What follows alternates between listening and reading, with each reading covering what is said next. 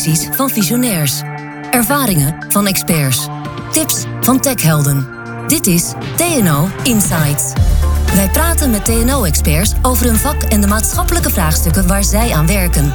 Hoe maken zij werken gezonder? Versnellen zij de energietransitie? Houden zij onze steden leefbaar? En helpen zij bij het beter beschermen van onze militairen? Luister naar jouw vakgenoten. Dit is TNO Insights. Welkom bij TNO Insights. Ik ben Clem van der Burg. Met de quantumcomputer breekt een nieuw tijdperk aan. De belofte is dat deze computer kan zorgen voor gepersonaliseerde medicijnen, meer veiligheid en wellicht de cure voor cancer. Maar de quantumcomputer kan er ook voor zorgen dat alle bestaande encryptie per direct onveilig is. Wat is die quantumcomputer? Wat kun je ermee? En hoe ver is het met de ontwikkelingen? In deze aflevering van TNO Insights gaan we in gesprek met twee quantumcomputer experts. Robert Wezenman is Junior Scientist Innovator. Hij studeerde wiskunde en natuurkunde in Groningen. En binnen TNO werkt hij onder andere aan een machine learning toepassing op de Quantum Inspire. Waar ik zelf bijvoorbeeld naar heb gekeken is naar een uh, soort machine learning uh, algoritme. Mm -hmm. uh, en, en, die probeert te klassificeren aan de hand van data die hij krijgt. Dus um, wat hij kan, er is een hele populaire iris set, dat is een bloem. En daar kan je uh, twee eigenschappen van meten. Um, nou ja, afhankelijk van uh, die eigenschappen, de lengte van de steel en van het blad, uh, valt het of in het ene soort of in een ander soort van iris. Ja, dat, is, dat zijn dingen die doen we nu ook al klassiek. Um, maar ja, de vraag is, kunnen we dat ook op een kwantcomputer doen?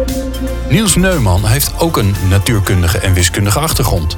Al sinds zijn studie wis en natuurkunde heeft hij een voorliefde voor kwantummechanica. Binnen TNO werkt hij aan het onderzoeken van de toepassingen van quantumcomputers. Op het moment dat je nu dus geheimen hebt die je 30 jaar geheim wilt houden, dan moet je nu al denken: oké, als ik over 30 jaar een quantumcomputer heb die dan veel sterker is, veel groter dan dat ze nu zijn, is mijn geheim dan nog veilig? TNO Insights. Work today on innovations for tomorrow tno.nl slash career. Robert Wezenman en Niels Neumann, welkom. Fijn dat jullie er zijn. Uh, uit Groningen naar Den Haag gekomen, want we zitten in Den Haag uh, in, uh, bij TNO in een vergaderzaaltje dit op te nemen met elkaar. dat is nog een aardig reisje. Maar jullie werken dus meestal in Groningen? Um, nou, niet helemaal. Volgens mij zitten we ongeveer een derde in Groningen en twee derde hier in Den Haag. Maar okay. ja, mijn standplaats is dus Groningen. Oké. Okay. Hey mannen, jullie uh, houden je met een, uh, met een prachtig onderwerp bezig. Waar, we, waar volgens mij eh, de, de leken op dit gebied heel veel van horen. Hè? Quantum computers en, en machine learning en AI. Al van die dingen die, waar heel veel voorspellingen over worden gedaan. Dat, dat ja, dingen in de toekomst mogelijk worden die we ons niet kunnen voorstellen. Nou, dus perfect om met jullie in gesprek te gaan om te horen hoe het er nu voor staat. Um, en Robert, bij jou beginnen. Als je nou naar jouw vakgebied kijkt hè, en je bent, uh, je bent een half jaar nu bij TNO uh, ben je werkzaam, dus je hebt in een mooie snoepwinkel rond kunnen kijken. Wel, wat is dan het onderwerp, welk thema, welke ontwikkeling op jouw vakgebied vind je nou het meest spannend, interessant? Um, nou, wat, wat ik heel mooi vind is aan wat we bij TNO kunnen doen, is dat we ook echt een samenwerking hebben met. Um, QTech. Hè? Daar werkten wij samen met TNO mee. En zij ontwikkelen een eh, simulator voor een kwantcomputer.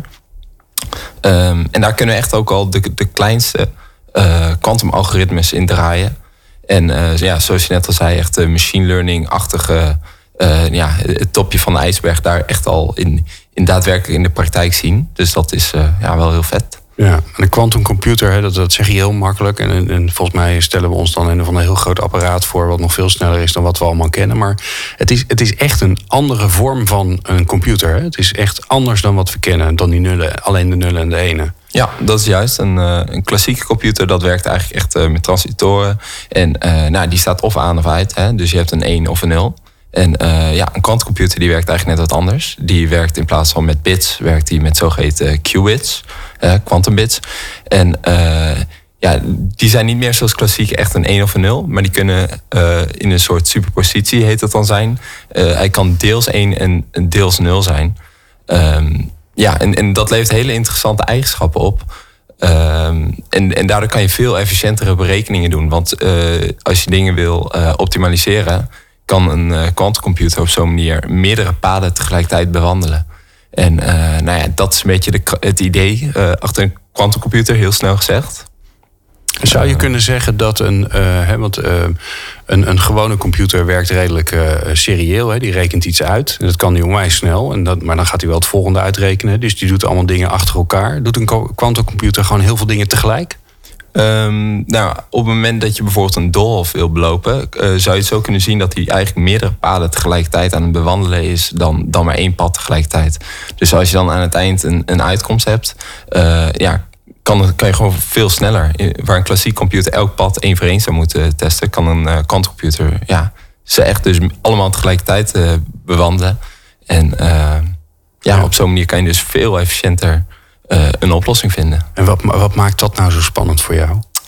Ehm, nou, een, een, van de spannendste dingen is dat het echt ja, aanzienlijk veel sneller gaat. Er zijn nu problemen die voor een klassieke computer zo lang duren om op te lossen, zolang als het heelal bij wijze van bestaat.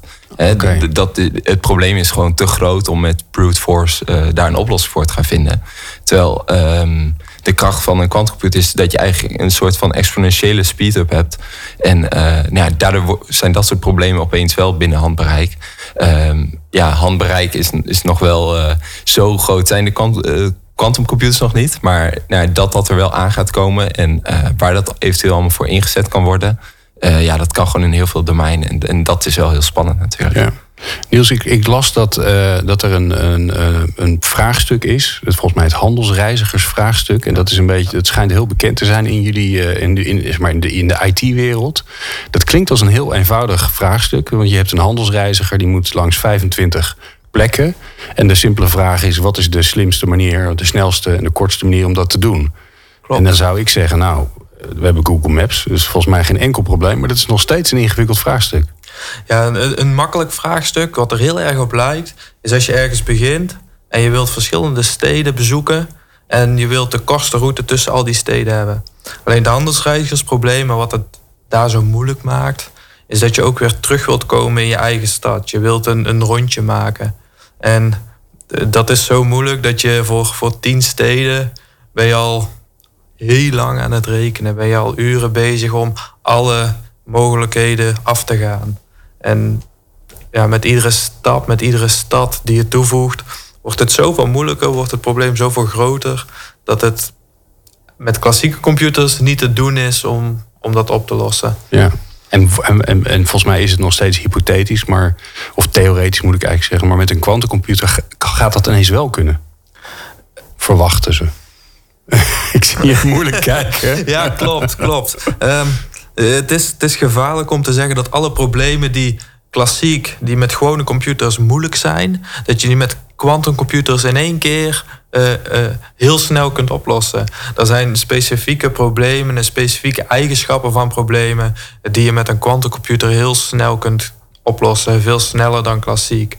En eh, er zal een, een, versnelling kunnen zijn bij het handelsreizigersprobleem. Maar het is niet zo dat je die per definitie in één keer kunt oplossen. Of veel sneller kunt oplossen hm. dan klassiek. Heb je een voorbeeld van een, van een, een vraagstuk of een probleem wat je eh, zeg maar, met een klassieke computer uh, nou, heel lang duurt en met een quantumcomputer heel snel kan? Ja, de, de, uh, je bankgegevens, je wilt dat die veilig zijn, neem ik aan. Ja, graag. ja, nou, daar zit een bepaalde encryptie op. Daar zitten moeilijke wiskundige berekeningen worden daarmee gedaan. Waardoor het uh, heel makkelijk is om uh, de, de bankgegevens te versleutelen. En als je weet hoe je hem versleuteld hebt, dan kun je hem ook heel makkelijk weer ontsleutelen. Maar als je niet weet hoe je uh, het, het versleutelt, de, de sleutel weet je niet, dan is het heel moeilijk om je bankgegevens te achterhalen. Nou, daar berust al onze klassieke uh, al onze klassieke encryptie berust daarop. Of heel veel. En een quantumcomputer, daarmee zou je het in ja, polynomiale tijd heet zoiets. Uh, heel snel zou je het daarmee kunnen oplossen. En dat is wel een klein probleem. Als dat, dat is een klein probleem. Ja, ja, klopt. Gelukkig, gelukkig kan het nog niet met de, met de hedendaagse quantumcomputers. met hedendaagse kwantumcomputers kun je 15 factoriseren. Uh, dan weet je bijna zeker dat, uh, dat je 15 gelijk is aan 3 keer 5. Maar als de kwantumcomputer groter wordt en als je daar meer mee kunt gaan doen, dan kun je daar dit soort moeilijke wiskundige problemen, waar die encryptie dus op berust, kun je veel sneller oplossen. En op het moment dat je nu dus geheimen hebt die je 30 jaar geheim wilt houden, dan moet je nu al denken: oké, als ik over 30 jaar een kwantumcomputer heb die dan veel sterker is, veel groter dan dat ze nu zijn, is mijn geheim dan nog veilig? En daar zijn we ook mee bezig. Andere mensen binnen onze afdeling die zijn bezig met nieuwe soorten encryptie die veilig is op het moment dat je kwantumcomputer groter wordt, sterker wordt. Ja, nou, nou is dit eigenlijk iets waarvan we uh, waarvan je zou zeggen, nou, fijn dat er een kwantumcomputer is, maar die, die zorgt eerder voor een probleem dan een oplossing. Wat als je nou naar, naar maatschappelijke vraagstukken bijvoorbeeld kijkt, waarvan je zegt van nou, daar, kijk, daar kan het echt een fantastische rol in spelen. Ehm, op dit moment medicijnen, personalized medicine, dat is een heel mooi voorbeeld van kwantumcomputer. Ehm, medicijnen zijn op dit moment algemeen. Als je een medicijn krijgt voor een bepaalde ziekte, dan is dat voor jou waarschijnlijk hetzelfde als dat het voor mij zal zijn. Terwijl onze lichamen anders zijn. En met personalized medicine zou het medicijn wat jij krijgt voor een ziekte uh, afgestemd zijn op jou. En precies ook op jouw DNA, op jouw chemische structuur. En om zo'n personalized medicine te maken, moet je heel veel, heel moeilijke berekeningen doen. En die kan een quantumcomputer dus weer heel efficiënt doen. En waarom, en, en, en waarom kan die quantumcomputer dat wel, of in ieder geval veel beter, dan, dan die traditionele computer? Hè? Die, die is natuurlijk ook ongelooflijk ontwikkeld de afgelopen decennia. Nou ja, wat we hier op tafel hebben staan alleen al, dat, dat kon je toen niet, niet voorstellen. tegenwoordig zit het in onze zak. Wat is dat? Uh, ja, Robert die noemde het net al, superpositie. Het parallel kunnen.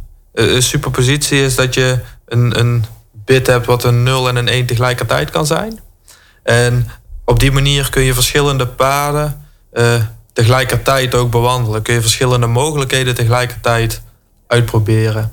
En met die superpositie, met die kwantummechanische eigenschappen, kun je dan ook je berekeningen veel sneller doen. En daarnaast, en dat is ook interessant, uh, op die hele kleine moleculaire schaal speelt uh, kwantummechanica een grote rol. Dan speelt de klassieke wereld zoals wij hem kennen en de klassieke wetten van de natuurkunde, die zijn niet meer helemaal geldig. En op kleine schaal spelen die dus de kwantummechanische eigenschappen zijn dan heel belangrijk. Die moet je heel goed modelleren. En als je een computer hebt die die effecten ook na kan bootsen, die bestaat uit dat soort effecten, dan kun je veel efficiënter al je dingen oplossen, al je problemen oplossen. Ja, want ook fysiek gezien is die computer totaal anders, hè Robert? Het is niet een, uh, niet een, uh, een, een siliconen chips met, uh, met allerlei ingewikkelde legeringen erin. Maar het, het gaat echt op, op elekt elektronniveau. Dat kunnen we eigenlijk bijna niet voorstellen. Ja, ja, nee, dat, dat, dat klopt. Dus ehm, ja, je moet ook niet de illusie hebben dat je over vijf of tien jaar zo'n kwantumcomputer koopt. En dat je hem gewoon nou, bij wijze van in je computer klikt. Zo werkt het niet. Um, ja, veelal die chips die moeten heel erg gekoeld worden. Dus dat zit er rond het nulpunt.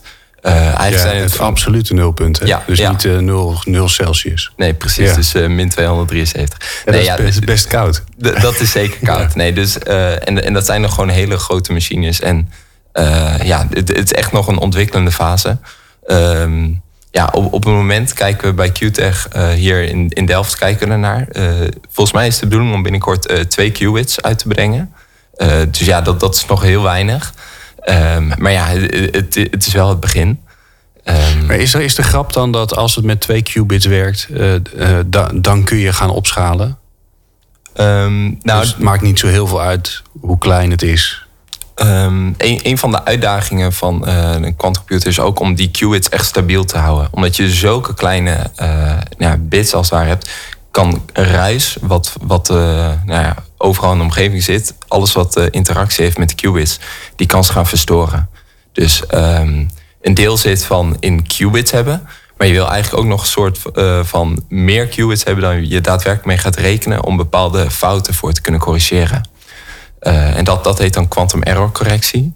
Um, je kan wel veel qubits hebben, maar ja, als ze heel snel van staat verwisselen, je denkt dat het een 1 is, maar het wordt heel snel weer een 0, dan moet je daar wel voor kunnen corrigeren. Dus je moet de qubits onder controle kunnen houden. Uh, en dat kan je dus doen door bijvoorbeeld uh, nou, drie qubits ehm, op zo'n manier met elkaar te verstrengelen eigenlijk. Dat het samenwerkt voor één qubit die veel stabieler is. Ja, ja. Dus daar zit ook nog heel veel opschaalproblemen in. En ja, dat, dat is ook een van de echte uitdagingen van echt die, die quantumcomputer zelf om, om te bouwen. Nou, nou heb je enerzijds heb je die, die quantumcomputer, daar werken jullie samen. Wat doen jullie daar dan in? Ik bedoel, uh, uh, zijn jullie bezig met die computer zelf? Zijn jullie bezig met wat je ermee kan? Um, ja, zelf ben ik bezig met uh, echt, echt daadwerkelijk op die quantumcomputer al berekeningen doen. En dan zou je zeggen, nou, hoe kan het dan? Er zijn nog maar twee qubits. Um, ja, QTech heeft zelf ook nog een soort simulator ontwikkeld. En die rekent echt ook al op een supercomputer. En die kan tot uh, 40. Ik kijk even naar Niels. Volgens mij kan het zelfs nog hoger. Uh, op dit moment kunnen ze tot en met 31. En als je een paar moeilijke wiskundige of een paar moeilijke computerdingetjes gaat doen, dan kom je tot 37. Ja, dus dat zijn eigenlijk nog niet heel veel, maar dat wordt dus op een klassieke supercomputer bij wijze van gesimuleerd. En daarmee uh, bood je als het ware dus die quantumcomputer na met zoveel qubits. Uh, dus ja, dat begint al eigenlijk ergens op te lijken. Um, waar ik zelf bijvoorbeeld naar heb gekeken is naar een uh, soort machine learning algoritme. Mm -hmm. en, en die probeert te klassificeren aan de hand van data die die krijgt. Dus um, ja, wat die kan, er is een hele populaire iris set, dat is een bloem. En daar kan je twee eigenschappen van meten. Um, nou ja, en, en afhankelijk van de, die eigenschappen, de lengte van de steel en van het blad, uh, valt het of in het ene soort of in een ander soort van de iris. Nou ja, dat, is, dat zijn dingen die doen we nu ook al klassiek. Um, maar ja, de vraag is, kunnen we dat ook op een kwantcomputer doen? Nou, door een, een uh, 4 qubit uh, code kan je eigenlijk een soort klassificatie geven. waarbij je twee punten geeft. ja, dat, dat soort van de trainingsset. Je geeft één punt van beide, van beide labels. Um, en op basis daarvan kan je voor een derde punt, die eigenlijk nog geen label heeft, kan dan uit de kwantumcomputer komt dan een resultaat. En nou, die klassificeert dan dat punt naar in een van die twee. Um, ja, hoe, hoe dat nu op het moment werkt, is eigenlijk uh, het derde punt. Bij welk van die twee ligt die het dichtstbij? En, en, dit is klassiek gewoon iets wat. Het is een soort kansberekening eigenlijk. Um, dus hij zegt, nou, ik heb alle data bekeken. Er is een grote kans dat het dit, dit, is. Ja, ja klassiek gezien wat er eigenlijk gebeurd is. Uh, je hebt twee punten in labels en hij kijkt gewoon van een derde punt. Oh, jij zit dichter bij deze dan die. Dus dit is een 1 of een 0.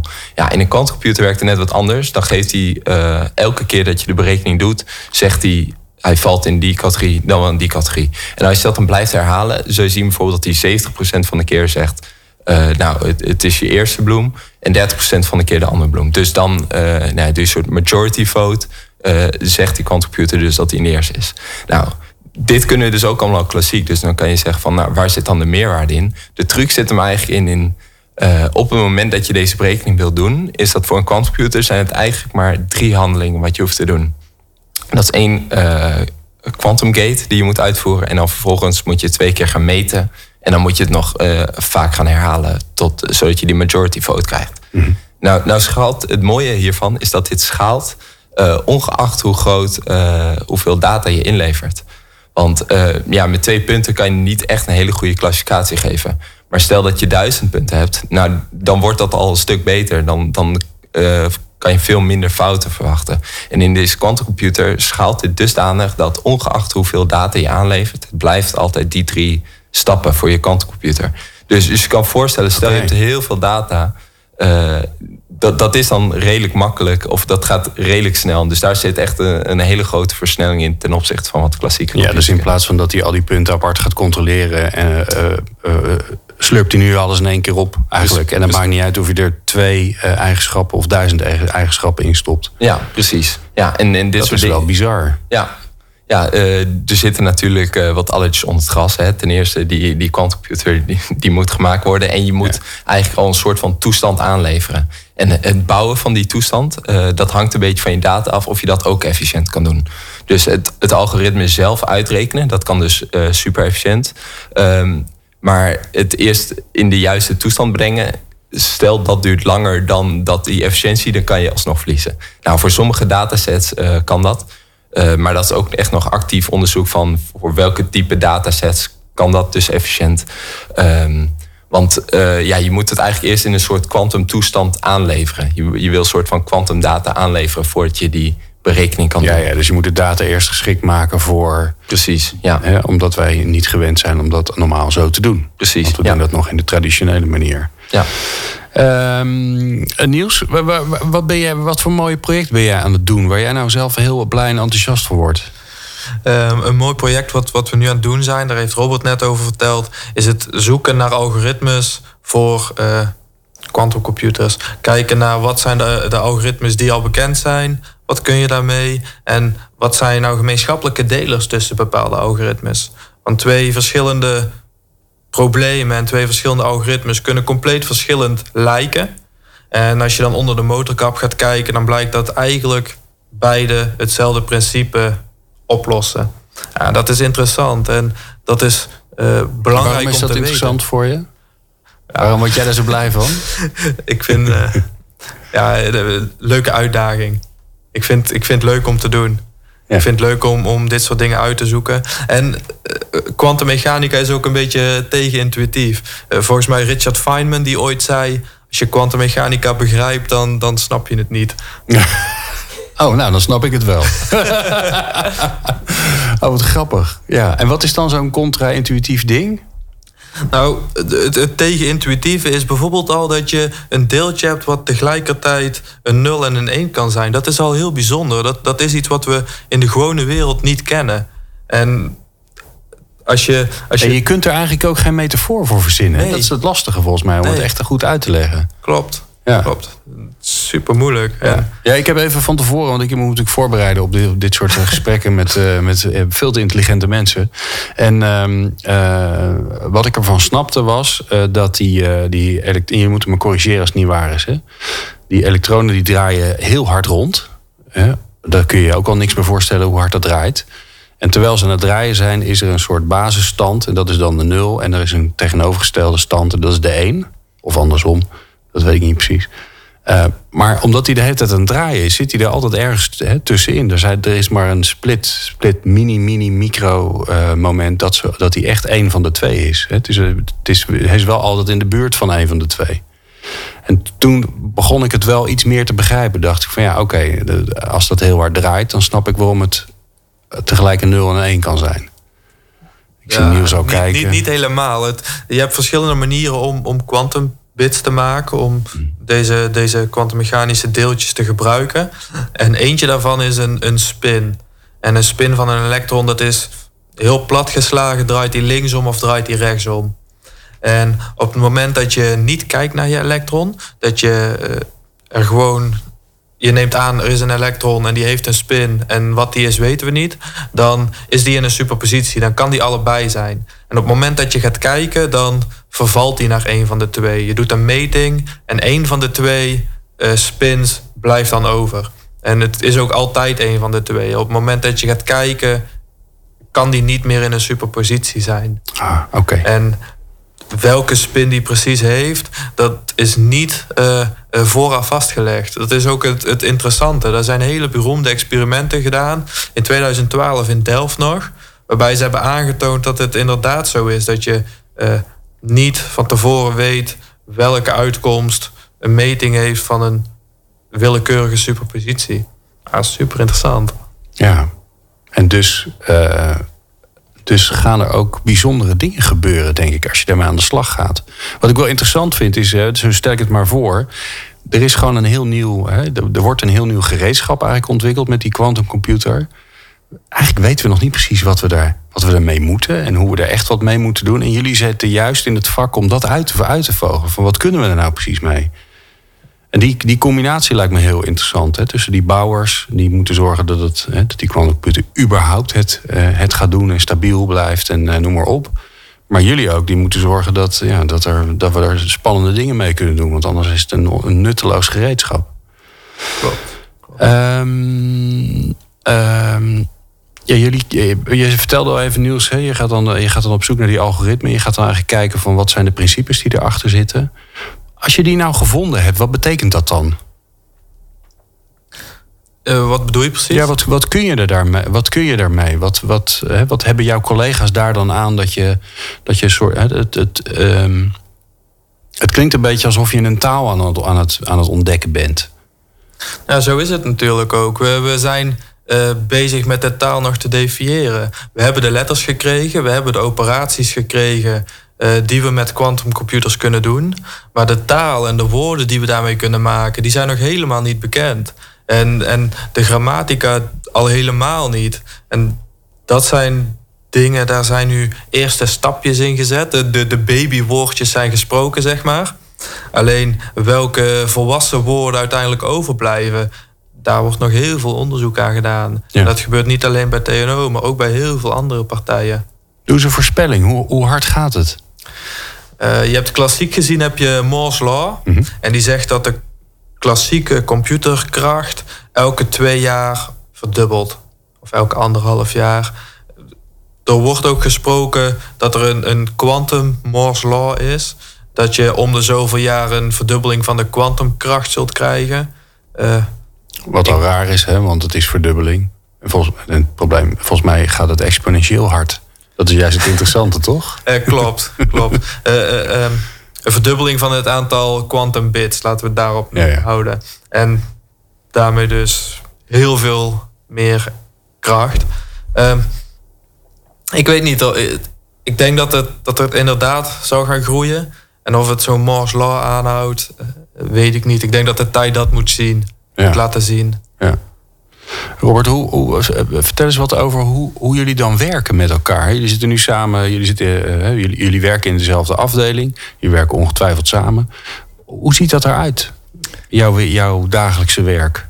Um, nou ja, mijn dagelijks werk is toch wel uh, eigenlijk, ja, omdat ik dus in Groningen zit en uh, veel zit hier ook uh, in Den Haag, is, ja, is eigenlijk voornamelijk wel echt achter mijn computer. Mm -hmm. um, en ja, je bent echt aan het programmeren en echt dingen aan het doen. nou ja, op, op die quantumcomputer dan. Um, ja, je werkt in een projectbasis, dus je komt af en toe bij. Dan ga je weer voor, het, voor de whiteboard en dan ja, Hoe eh, groot is dat team waar je dan mee werkt? Um, ja, waar, waar, ik dan zelf aan werk, werk dan voornamelijk samen met Niels. Maar in het gehele team zitten we denk ik met zeven of acht, denk ik. Um, ja, ja, zeven, acht, zoiets. Ja. ja. En die, ja, daar kijk ik dus dan ook nog echt weer naar verschillende dingen. Um, ja, en de buitenwereld, want ik kan me voorstellen dat er niet zo belachelijk veel mensen op de wereld met dit onderwerp bezig zijn. dat zijn er geen uh, eh, 5 miljoen. Uh, hoe sta je met hen in contact, met andere mensen die hiermee bezig zijn? Is het een hele coöperatieve wereld of zit iedereen zijn dingetje te beschermen? Um, ik, ik heb het idee dat de, de meesten wel echt willen delen. Het, het is wel echt uh, kennis delen. Um, ja. Kijk jij daar anders tegenaan? Uh, ja, je hebt natuurlijk heel veel commerciële partijen die hiermee bezig zijn. Uh, de Google en Microsoft zijn ook bezig met het bouwen van een quantumcomputer. En die zullen niet zo snel elkaar de, de fijne kneepjes van hun machine gaan vertellen. Dus er wordt inderdaad wel wat gedeeld. En ik denk dat dat belangrijk is om wetenschappelijk vooruit te komen. Maar de, de details, hoe doen wij het precies, die ja, die houden veel partijen wel uh, Grappig. geheim. Ja. Nou, je, je, je, zou zeggen dat. Uh, uh, je natuurlijk ook in de, in de meer traditionele wereld een enorme open source community. Dat als er zo'n nieuwe ontwikkeling gaande is, dat dat misschien ook eens op een nieuwe manier aangevlogen wordt. Maar dat valt dus wel mee. Er zijn toch nog wel een hoop commerciële belangen in.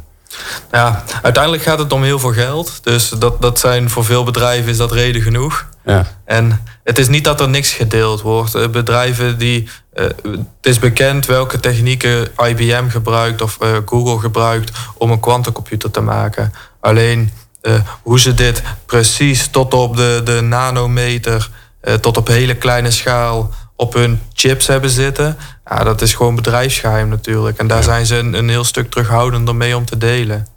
Ja. Wat, wat is de droom, uh, Robert? Wat is de, als je nou kijkt naar de toepassing van, uh, nou ja, van, van quantumcomputers en van, uh, van machine learning. Wat is de droom? Wat, wat, wat, wat hoop jij dat er in de toekomst mee opgelost gaat worden? Um, ja, het is ook weer een hele goede vraag. Maar ja, het, lijkt mij gewoon heel mooi om echt een stap verder te komen. Het, hele machine learning is echt nou, natuurlijk een mega grote hype uh, tegenwoordig. Um, ja, waar wij dan zelf niet meer weten waarom, kan een machine dan wel een bepaalde voorspelling geven of ons in assisteren. Uh, nou ja, eigenlijk wat, wat Niels dus bijvoorbeeld zei in, in de medicijnenwereld. Uh, in, in dat soort dingen, daar, daar kan denk ik echt ja, een quantumcomputer echt, echt heel veel mee helpen. Dus dat lijkt me heel mooi. En nou ja, daarmee kunnen we ook weer echt nieuwe uh, natuurkunde gaan ontdekken. Uh, juist doordat we dan moleculen beter kunnen doorrekenen. Dat, dat soort informatie. ja, dat, dat kan weer hele nieuwe vakgebieden gaan openen. Dus, dat lijkt me wel te gek zeg. Dat je echt gewoon dat dingen die nu onmogelijk zijn eigenlijk. Omdat gewoon de rekenkracht er niet is of in ieder geval de manier van rekenen er niet is. Dat is het eigenlijk. Precies. Ja. Uh, dat, je, dat je daar doorbraak in kan krijgen. Dat je alle data van de wereld. Hè, je zou in principe zo'n. Uh, dat stel ik me dan voor. Je zou zo'n quantumcomputer los kunnen laten op het internet. En zeggen: Nou, we wensen je veel succes. Er is nogal wat data op het internet. dus ga, eens even wat, ga eens even uitzoeken wat het antwoord op deze vraag is. Ja. Is dat een beetje wat het gaat worden? Uh, ja. Als je heel ver doordenkt, ja, hè? want nu, ja, nu hebben we natuurlijk jullie nodig. En jullie moeten allemaal ingewikkelde programmatuur maken en code schrijven. Ja. Ja, problemen die we nu nog voor, voor onmogelijk achten, die we nu nog uh, niet oplosbaar achten, die kun je met een quantumcomputer misschien inderdaad oplossen. Je hebt natuurlijk ook het, het stukje dat we uh, ons denken, onze denkwereld is klassiek. We, we zijn de klassieke computer zijn we gewend.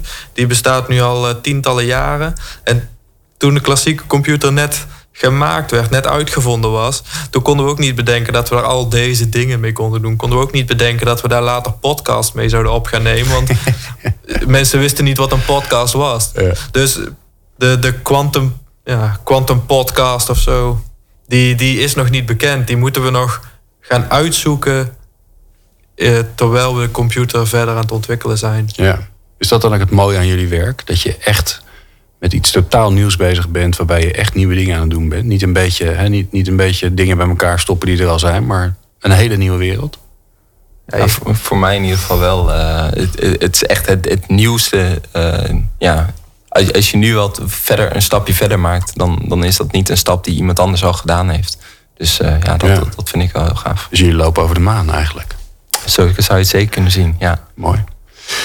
Uh, mag jullie bijzonder bedanken, ook voor je geduld met, uh, met mijn uh, vragen over dingen die jullie heel normaal vinden. Niels Neumann en Robert Wezenman, dankjewel. Ja, bedankt. Geen probleem. Dat waren Robert Wezenman en Niels Neumann van de afdeling Cybersecurity en Robustness van TNO. Meer informatie over werken bij TNO voor IT'ers vind je op tno.nl/slash ICT-vacatures. Ik ben Glenn van den Burg.